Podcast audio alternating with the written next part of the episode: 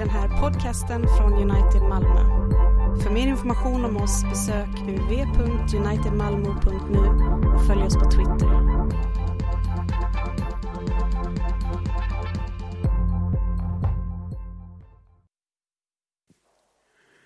Vi lyssnar till denna söndagens gammaltestamentliga text ifrån Jesaja kapitel 66, vers 12 till och med 14. Så säger Herren, jag leder lycka till henne som en flod, folkens skatter som en forsande ström. Hennes barn ska bli burna i famnen och bli gungade på knät. Som en mor tröstar sitt barn, så ska jag trösta er. I Jerusalem ska ni finna tröst. När ni ser det ska era hjärtan glädjas, era kroppar får nytt liv som det friska gräset. Herrens, Herrens tjänare ska lära känna hans makt, fienderna hans vrede. Så lyder Herrens ord.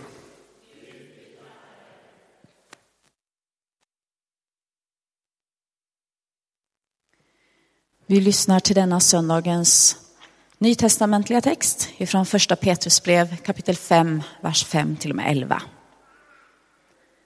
För er alla gäller, klä er i ödmjukhet mot varandra. Ty Gud står emot de högmodiga, men de ödmjuka visar han nåd.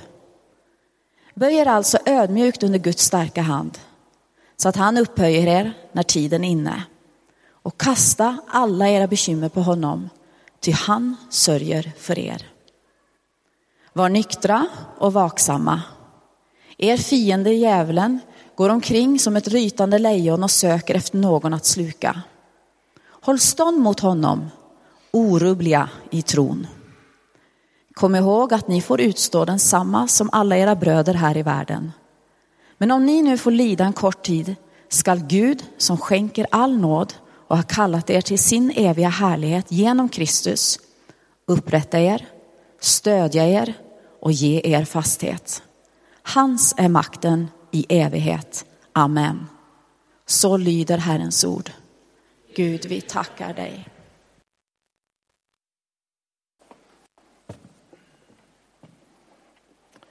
Upplyft era hjärtan till Gud och hör söndagens heliga evangelium enligt evangelisten Lukas kapitel 15.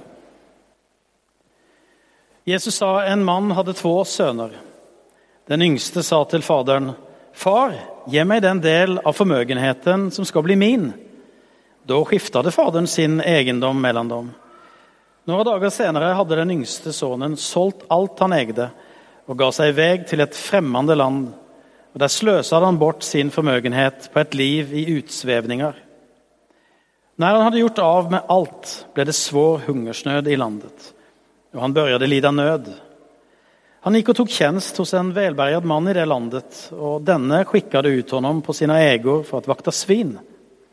Han hade gärna velat äta sig mätt på fröskidorna som svinen åt, men ingen lät honom få något. Då kom han till besinning och tänkte, hur många daglönare hos min far har inte mat i överflöd och här svälter jag ihjäl. Jag ger mig av hem till min far och säger till honom, far, jag har syndat mot himlen och mot dig. Jag är inte längre värd att kallas din son. Låt mig få gå som en av dina daglönare. Och han gav sig av hem till sin far. Redan på långt håll fick fadern syn på honom. Han fylldes av medlidande och sprang emot honom och omfamnade och kysste honom. Sonen sa, far, jag har syndat mot himlen och mot dig. Jag är inte längre värd att kallas din son. Men fadern sa till sina tjänare, skynda er att ta fram min finaste dräkt och klä honom i den och sätt en ring på hans hand och skor på hans fötter och hämta gödkalven och slakta den så ska vi äta och hålla fest. Min son var död och lever igen. Han var förlorad och är återfunnen och festen började. Men den äldste sonen var ute på fälten. När han på vägen hem närmade sig huset hörde han musik och dans. Han kallade på en av tjänarna och frågade vad som stod på.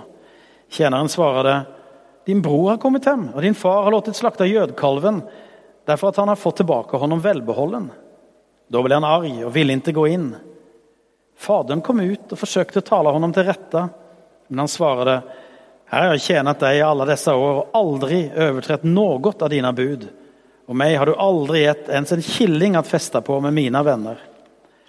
Men när han kommer hem, din son som har levt upp din egendom tillsammans med horor, då släckte du gödkalven. Fadern sa till honom, mitt barn, du är alltid hos mig och allt mitt är ditt. Men nu måste vi hålla fest och vara glada, för din bror var död och lever igen. Han var förlorad och är återfunnen. Så lyder det heliga evangeliet. Det vare du, Kristus.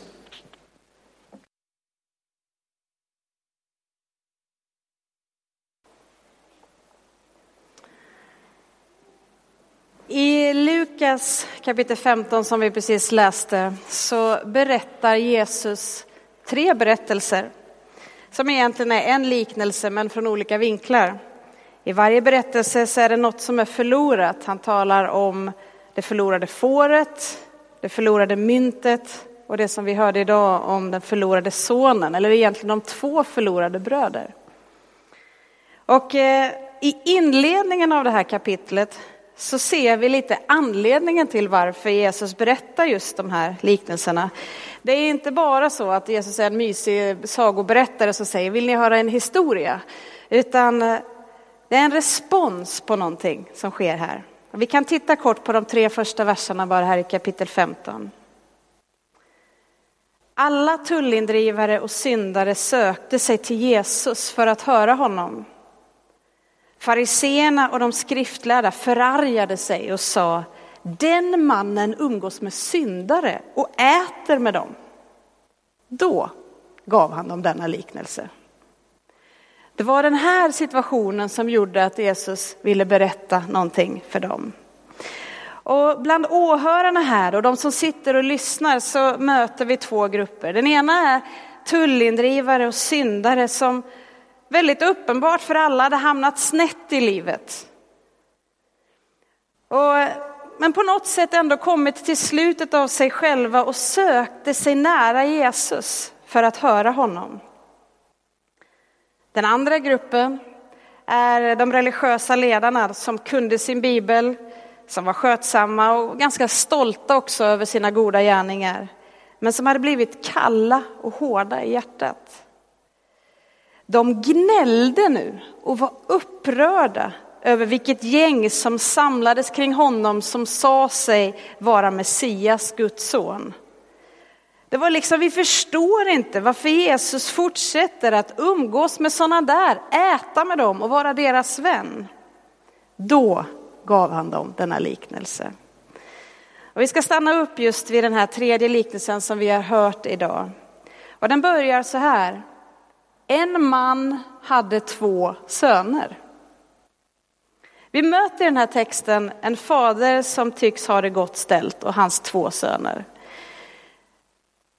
Många av er har säkert läst den här berättelsen många gånger och hört den här och det är vanligt när man läser den här texten att man koncentrerar sig på den yngre brodern som tar ut sitt arv i förskott, lämnar hemmet, kommer tillbaka efter att ha levt runt och hamnat på livets botten. Och det är ju uppenbart för alla som lyssnar på Jesus att den här yngre sonen, han har verkligen strulat till det för sig. Vänt sig bort från fadern, gått sin egen väg, hamnat vilse. Han har förnedrat familjen. Han har kastat bort alla sina möjligheter och rättigheter och borde bli bemött därefter. Det känns ju i hela rättvisekroppen, kan ni inte liksom hålla med om det? Och det är stort och lite så här obekvämt överväldigande att se hur fadern i sin stora kärlek tar emot honom när han kommer tillbaka. Sonen kommer ju för att fråga om han kan få bli en tjänare i huset. Men blir klädd i finaste dräkten och bjuden till stor glädjefest över att han som var förlorad nu är återfunnen. Och den här berättelsen skulle vi kunna stanna upp vid hur länge som helst. Det, det, blir nog kanske dagens utmaning, för det är så mycket godbitar i den här. Jag ska göra mitt bästa för att hålla ihop det. Det är en oerhört stor kärleksförklaring som bara på ett fantastiskt sätt målar ut Guds hjärta för oss. Alla yngre söner som har gått vilse söker Gud efter för att rädda och föra hem igen. Men det finns en son till som inte drar iväg. Men trots att han är ordentlig och skötsam och höll sig hemma så går han vilse på hemmaplan. Han är liksom borta fast han är hemma. Och det tycks som att ingen av de här två bröderna verkar ha någon närmare relation med fadern, utan det är två barn som är bortvända på olika sätt. Och ju mer man stannar upp vid den här texten, ju mer börjar man känna igen sig och märker att det här handlar om oss. Det handlar om en mänsklighet som har gått vilse, som har vänt sig bort från Gud, som gått sin egen väg, gått förlorade. Men det handlar framför allt om en man, det handlar om en far. Det handlar om Gud, vem han är. En Gud som älskar sin skapelse, en Gud som är rik på barmhärtighet och en frälsare som lämnar himlen för att komma till jorden just för att söka det som är förlorat och rädda det. Så egentligen så kan man ju tycka att det är väldigt enkelt kategoriserat att ha liksom bara två alternativ, en yngre och en, en äldre. Men det är ungefär där någonstans vi hamnar, antingen det ena eller andra, eller kastar oss lite mellan de här olika, och vi ska titta på det. Båda förlorade, båda älskade. Den yngre sonen, han ville frigöra sig genom att tydligt markera att jag vill klara mig själv. Han behandlar fadern som om han vore död. Genom att han begär arvet i förskott och säger far, ge mig den del av förmögenheten som ska bli min. Det var ju någonting man fick sen, som ett arv när fadern hade dött. Men han ignorerar, han liksom bemöter honom redan som att han är död. Fadern säger ingenting, ger honom inga förmaningar eller kloka råd. Han ger honom och låter sonen gå. Och för en tid så, så verkar det som att han är lite kung och lever livet där borta, långt borta. Slösade bort sin förmögenhet på ett liv i utsvävningar. Och det kan låta lite skönt det där. Men man kan också ställa sig frågan varför dessa utsvävningar? Var det så att det fanns en röst inom sig som man inte ville höra utan måste döva på något sätt?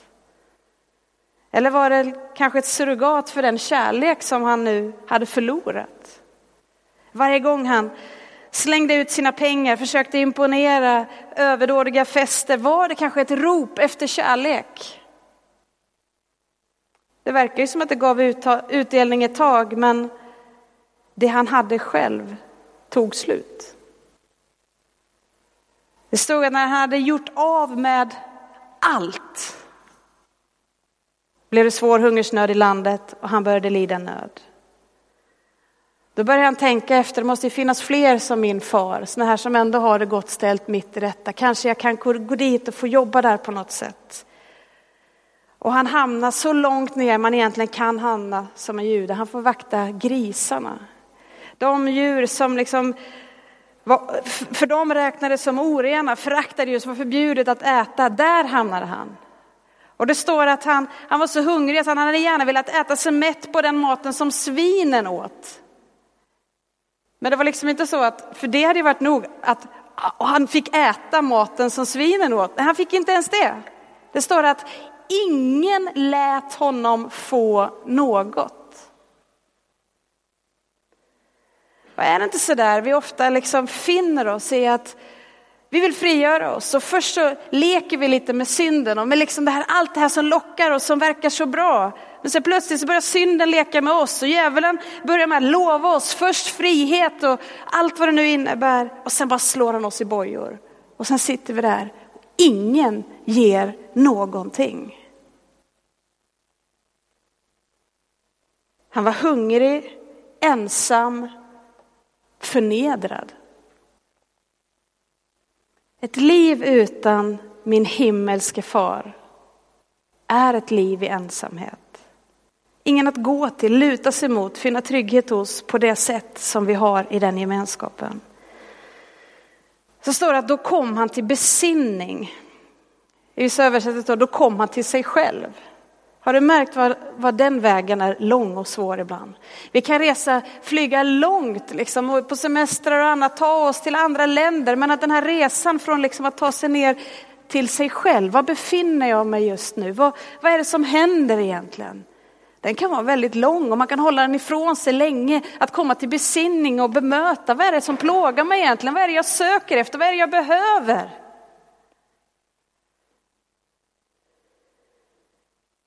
Och så börjar han jämföra livet borta där han var och livet där hemma. Och så inser han att till och med grisarna här har det bättre än jag. Jag har liksom sjunkit under dem. Och hemma har ju i alla fall tjänarna, drängarna, de har ju mat i överflöd hos min far. Han beslutar sig för att gå hem. Och på vägen hem så övar han på det här försvarstalet. Har du funnit det där någonstans, eh, någon gång? När man liksom har någon konflikt med någon eller något och så börjar man öva. Men om jag säger så här. Och så är det som att man liksom har rabblat de här meningarna flera gånger för sig själv. Att nej, nej, nej, nej men jag kanske kan. Och så står det liksom flera meningar som han har tänkt att han ska säga. Att, nej, men jag säger så här, far jag har syndat mot himlen och mot dig. Jag är inte längre värd att kallas din son. Låt mig få gå som en av dina daglönare. Och så kan man nästan se framför sig hur han går och liksom övar på det här hela vägen hem. Han gav sig hem till sin far. Men redan på långt håll fick fadern syn på honom. Fadern ser honom, fadern fylls med medlidande, fadern springer emot honom, fadern omfamnar honom, fadern kysser honom. Det här är långt innan han ens har hunnit stava på sin, det här som han har gått övat på hela vägen hem. En vanlig pappa hade kanske sagt, ja så du kommer hem nu din drummel. Gå och duscha, ta på dig rena kläder så ska vi snacka sen. Ni ser väldigt förvånade ut, men det är nog det vi tänker är mest vanlig reaktion. Men detta är ingen vanlig pappa. Här är bilden av vår kära himmelske far. Och det var inte sonens inövade tal eller bekännelse som förlöste faderns kärlek. Utan han sände ut sin stora kärlek och barmhärtighet långt innan sonen ens har hunnit öppna munnen. Och märkte du i texten att när den yngre brodern väl kom hem så hann han inte ens säga allt han hade planerat. För i början så säger han att allt det här ska jag säga, men han hinner bara säga, jag har synd, far jag har syndat mot himlen och mot dig. Men han hinner aldrig be om att få bli tjänare eller någonting, utan när han blir bemött som son som är välkomnad hem så fanns det ingen anledning att börja dela om att få bli tjänare eller få, få, få lite soppa.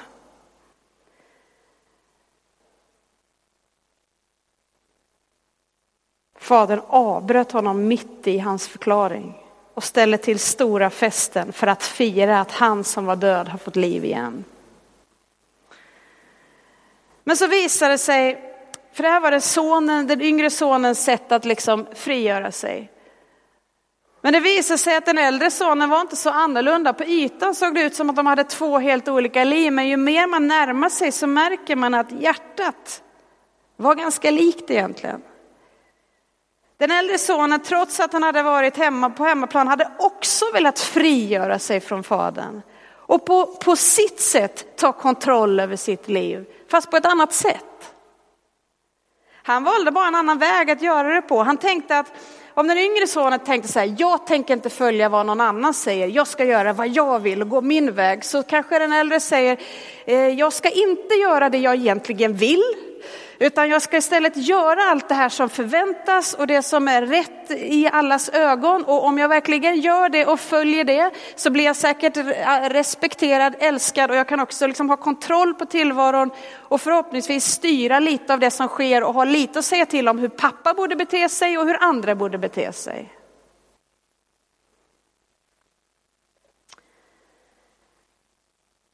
Och på något sätt finna någon mening och glädje i det. Men det verkar ju inte som att det hade lett till så där väldigt mycket glädje för honom, det här livet. Vi möter när han kommer hem en man som är skeptisk redan från början. Jag menar, tänk dig en härlig dag, han kommer hem och det är fest.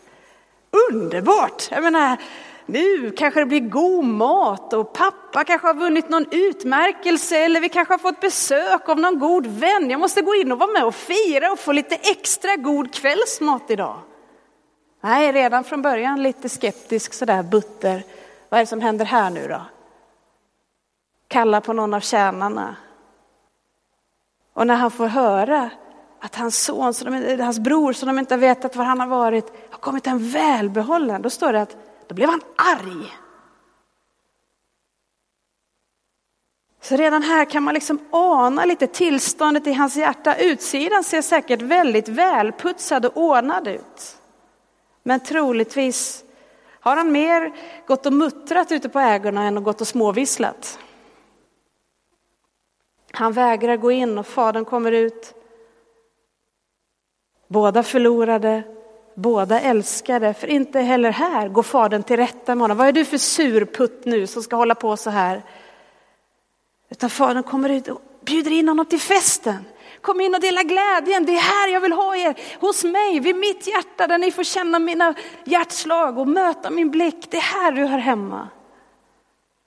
Men den äldre brodern svarar, här har jag slavat under dig alla dessa år. Det visar lite hans relation till hur han ser på deras förhållande. Och mig har du aldrig ens gett en killing att fästa på. Jag har inte överträtt något av dina bud. Men när han där kommer hem, din son, det är inte hans bror, utan det är din son. Den äldre brodern har varit så upptagen med allt han ska göra få till för att få kontroll på tillvaron så han har missat hela poängen med att få vara son. Att få njuta av sin faders närvaro och gemenskap. Han har missat möjligheten att få leva i den här kärleken som aldrig tar slut. För hade han gjort det så kanske han själv hade sprungit ut och sökt efter den här brorsan som, som är vilse och, och, och också glatt sig åt när han kom hem. Men hans egen kärlek var slut, så den räckte inte varken till honom själv eller till hans bror. Båda bröderna är förlorade, men så älskade. Och här får också den äldre brodern möta den här blicken. Den varma, kärleksfulla blicken som säger mitt barn. Bara den öppningsfrasen till en surputter som kommer in, det är liksom inte det han får höra, utan han får säga, får höra mitt barn. Du är alltid hos mig. Allt mitt är ditt. Men nu måste vi hålla fest och vara glada för din bror var död och lever igen. Han var förlorad och är återfunnen. Och där slutar berättelsen. Har du stannat upp och funderat någon gång på varför vi inte får veta hur det går? Jag menar, vi gläds med den här yngre sonen, men den här äldre brodern, liksom, vad hände sen då?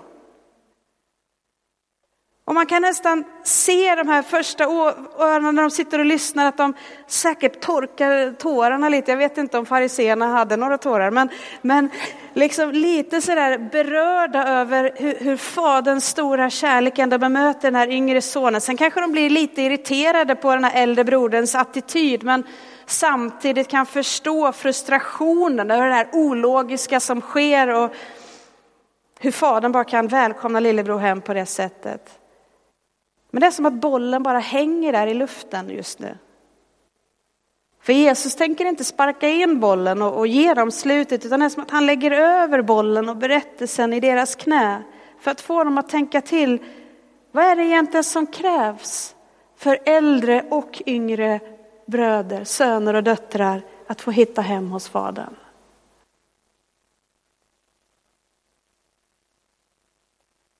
Den yngre gick liksom lite uppenbart för alla vilse genom sina snedsteg, sina uppror, att han trodde att han skulle klara sig bättre på egen hand och trodde att det han har, det kommer väl räcka.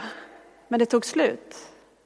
Och det ledde honom tydligt bort från fadern och till ett slut till livets botten. För den äldre så var det inte synliga misstag eller snedsteg som skilde honom från Gud. Han sa, jag har inte överträtt ett enda av dina bud. Det var inte det som skilde honom från att, att han var omoralisk och han levde i utsvävningar och han, men ändå var det någonting som skilde honom från fadern. Det är så lätt för dig och för mig att vi tänker på synd främst som snedsteg och omoral, både i vårt eget liv och när vi tittar på andra. Men Jesus han vill hjälpa de här som sitter där att få se att problemet sitter mycket djupare än så. Den största synden är när vi gör andra saker än Gud till Gud i våra liv. Det är när vi försöker ersätta den plats som bara han kan ha med andra avgudar. Det är då som vi går vilse. Oavsett om det är ett liv i utsvävningar eller där vi hoppas på att sex, makt och pengar eller vad som helst ska fylla våra behov. Eller om det är ett liv som på ytan ser så fromt och heligt ut och är fyllt av bara goda gärningar. Men där vi själva tagit på oss uppdraget att finna vår rättfärdighet och vår räddning och vår frälsning i att hålla ihop vårt liv och få till det här. Så är vi lika förlorade.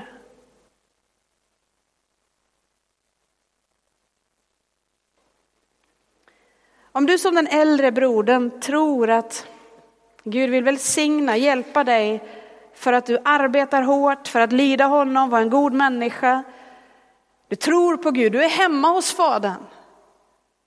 Men då kan Jesus vara din medhjälpare, ditt föredöme, din inspiration. Men han är inte din frälsare.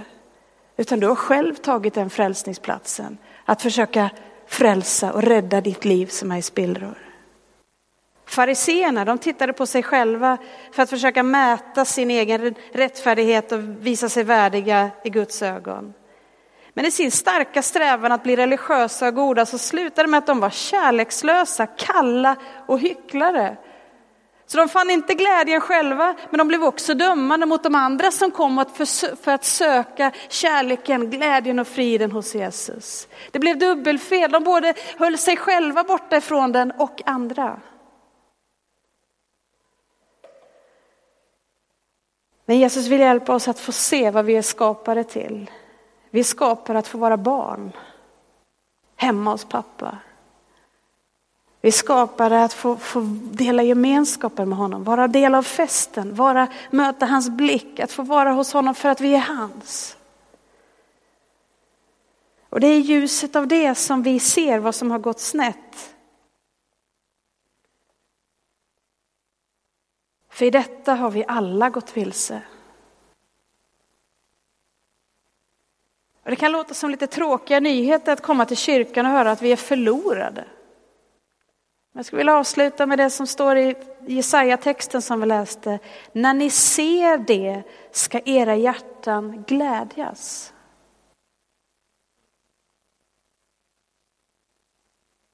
Det är som att Jesus säger, om vi inte inser allvaret i vår situation så kommer du inte förstå hur förlorad du verkligen är. Och då kommer du aldrig att vilja bli funnen. Utan då kommer du fortsätta att jaga och hoppas på din, dina goda gärningar eller ditt sätt att leva. Eller att fly och söka på andra sidan världen och på allting annat där borta. När glädjen och allt finns hemma, inte bara på gården utan hos Fadern. Jag kan läsa vers 13 igen i Jesaja. Som en mor tröstar sitt barn så ska jag trösta er. I Jerusalem ska ni finna tröst. När ni ser det ska era hjärtan glädjas. Era kroppar får nytt liv som det friska gräset.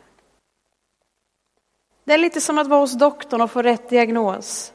Det är ju först då vi är mottagliga för rätt behandling som kan göra någonting åt situationen.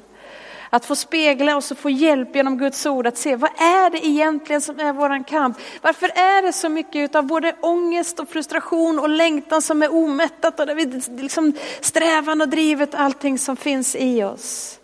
Det behöver föras tillbaka till vad vi är skapade för. Det är först när vi förstår vad vi är skapade till som vi förstår vad det är som har gått snett. Och det är först när vi förstår vad det är som har gått snett som vi förstår varför vi behöver en frälsare. Och förstår att det finns någon som har betalat priset för den här festen som vi är inbjudna till.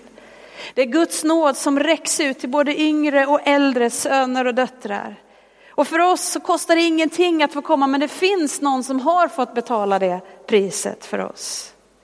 Och Jesus säger i Markus evangelium 2.17, det är inte de friska som behöver läkare utan de sjuka. Jag har inte kommit för att kalla rättfärdiga utan syndare. Och om vi förnekar verkligheten av synd, även som kristna, för det är ibland så som man hör att ja, men jag var syndare och förlorad, men nu, nu är allting borta. Men om vi förnekar den här kampen som finns, att vi fortfarande tror att det liksom, vågar inte lita på att den här glädjen och kärleken och friden finns i att få vara hans, att få möta hans blick, att få umgås med honom. Utan vi är så rastlösa, det är så mycket annat som lockar och drar och vi vill hellre ha det han vill ge till oss än honom själv. Du kan ju tänka på olika relationer som du har. Du kanske har några arbetsrelationer, du har några vänskapsrelationer och kanske du har en kärleksrelation. Och vi tittar på, på de här olika, så när man kommer till ett jobbsamtal så är man oftast ganska målfokuserad och rakt på sak och talar om resultat och vad man ska komma till. I en vänskapsrelation kanske man kommer till den punkten där man i alla fall vågar berätta lite vad man kämpar med och vad man går igenom just nu. Men så finns det ibland i kärleksrelation där man liksom går förbi allt, där både mål och planering och, och vad man brottas med. Man blir bara helt förundrad över den här personen som man får älska och vara älskad av. Och man stannar upp vid att bara få uttrycka detta. Och jag tror att Gud vill föra oss så mycket djupare än att bara få ha den här businessorienterade relationen. Att jag behöver det här till på tisdag och till nästa sommar behöver jag ha klart ett nytt jobb och sen ska jag ha det här och kan du lösa det här och kan du fixa det här. Bra, tack så mycket, vi ses nästa tisdag. Eller möjligtvis få bli hans vän och få uttrycka, här är jag har många behov, jag har mycket kamper. Men ännu djupare än så, för där vill också Gud möta oss. Vill han få föra oss in i den här kärleksrelationen som inte bygger på varken mål eller gåvor eller bönesvar eller problem. Utan som bara är att få mätta av, av hans härlighet, av hans ljuvlighet, av hans godhet, av hans frid. Och vägen för oss är inte att piska oss själva, utan vi får inse att Jesus berättar att vi är alla förlorade söner och döttrar som har gått vilse. Men han har visat väldigt tydligt uppdraget som han har kommit från Lukas 19. Människosonen har kommit för att söka efter det som var förlorat och rädda det. Och Jesus han stannar upp tydligt vid den här bilden därför att han vill inte att vi ska liksom missa poängen av vem Gud är. Du vet fariséerna, de kritiserade Jesus. Vi ska avsluta där, för att han umgicks med syndare och äter med dem. Och Jesus han går inte till försvar utan han försöker med den här berättelsen bara ringa in den poängen att ni har helt rätt. Det är just sån som jag är. Det är just syndare jag umgås med och äter med. Vem skulle jag annars umgås med, kanske han lägger till. Men det är just det att när vi räknar bort oss från den skaran som är behovets barn, då räknar vi också bort oss från den glädjen och den välsignelsen och den friden som räcks åt oss. Kanske du idag dömer ut dig själv att inte rymmas vid Jesu bord. Eller kanske du dömer ut andra som du tycker inte borde få komma som de är. De behöver lite skärpa till sig först innan. För du vet, det är ofta de här sakerna som vi har att antingen så är vi som den yngre och tycker att om folk bara slutade hålla på och moralisera så mycket och hålla på med alla sina bud och regler, då skulle världen bli bättre. Eller så kanske vi är som den äldre brodern och säger om folk bara skärpte sig lite mer, då skulle världen bli bättre. Men inget av de här är lösningen för det som vi är kallade till, där lösningen är att få komma till den källan som aldrig tar slut. Precis sådana som vi är. Med de kamper oavsett om vi kastas hit och dit mellan att prova på utsvämningar eller på, prova på att skärpa oss eller hur vi nu än försöker. Så välkomnar Gud oss idag till sitt bord. Fadern ser dig. Långt innan du har övat på ditt försvarstal eller dina ord så springer han ut för att möta dig. Han omfamnar dig, han kysser dig. Han kallar dig att komma nära så att du får möta hans blick och höra honom säga, mitt barn, allt mitt är ditt. Oavsett om du idag i den här berättelsen identifierar dig med den yngre eller den äldre sonen så är bordet dukat för dig idag. Festmåltiden där vi får komma och bjudas in till festen. Du hör hemma där. Och genom dopet så har Gud iklätt dig med högtidsdräkten. Du känner själv, jag har skippat mina chanser. Men det är inte vår rättfärdighet, det är inte våra kläder, utan vi får iklädas det som vi, vi hade egentligen redan fått vår del av arvet och vi hade sumpat det, men vi kommer tillbaka och blir på nytt arvingar, söner och döttrar, får ikläda oss den finaste dräkten varje dag och få stå inför Gud i detta. Man tänker, men Gud här inne, jag vet vad jag har gjort, vem jag är, vad jag kämpar med. Men vi har fått ta på oss en rättfärdighet som kommer ifrån Gud genom Jesus Kristus.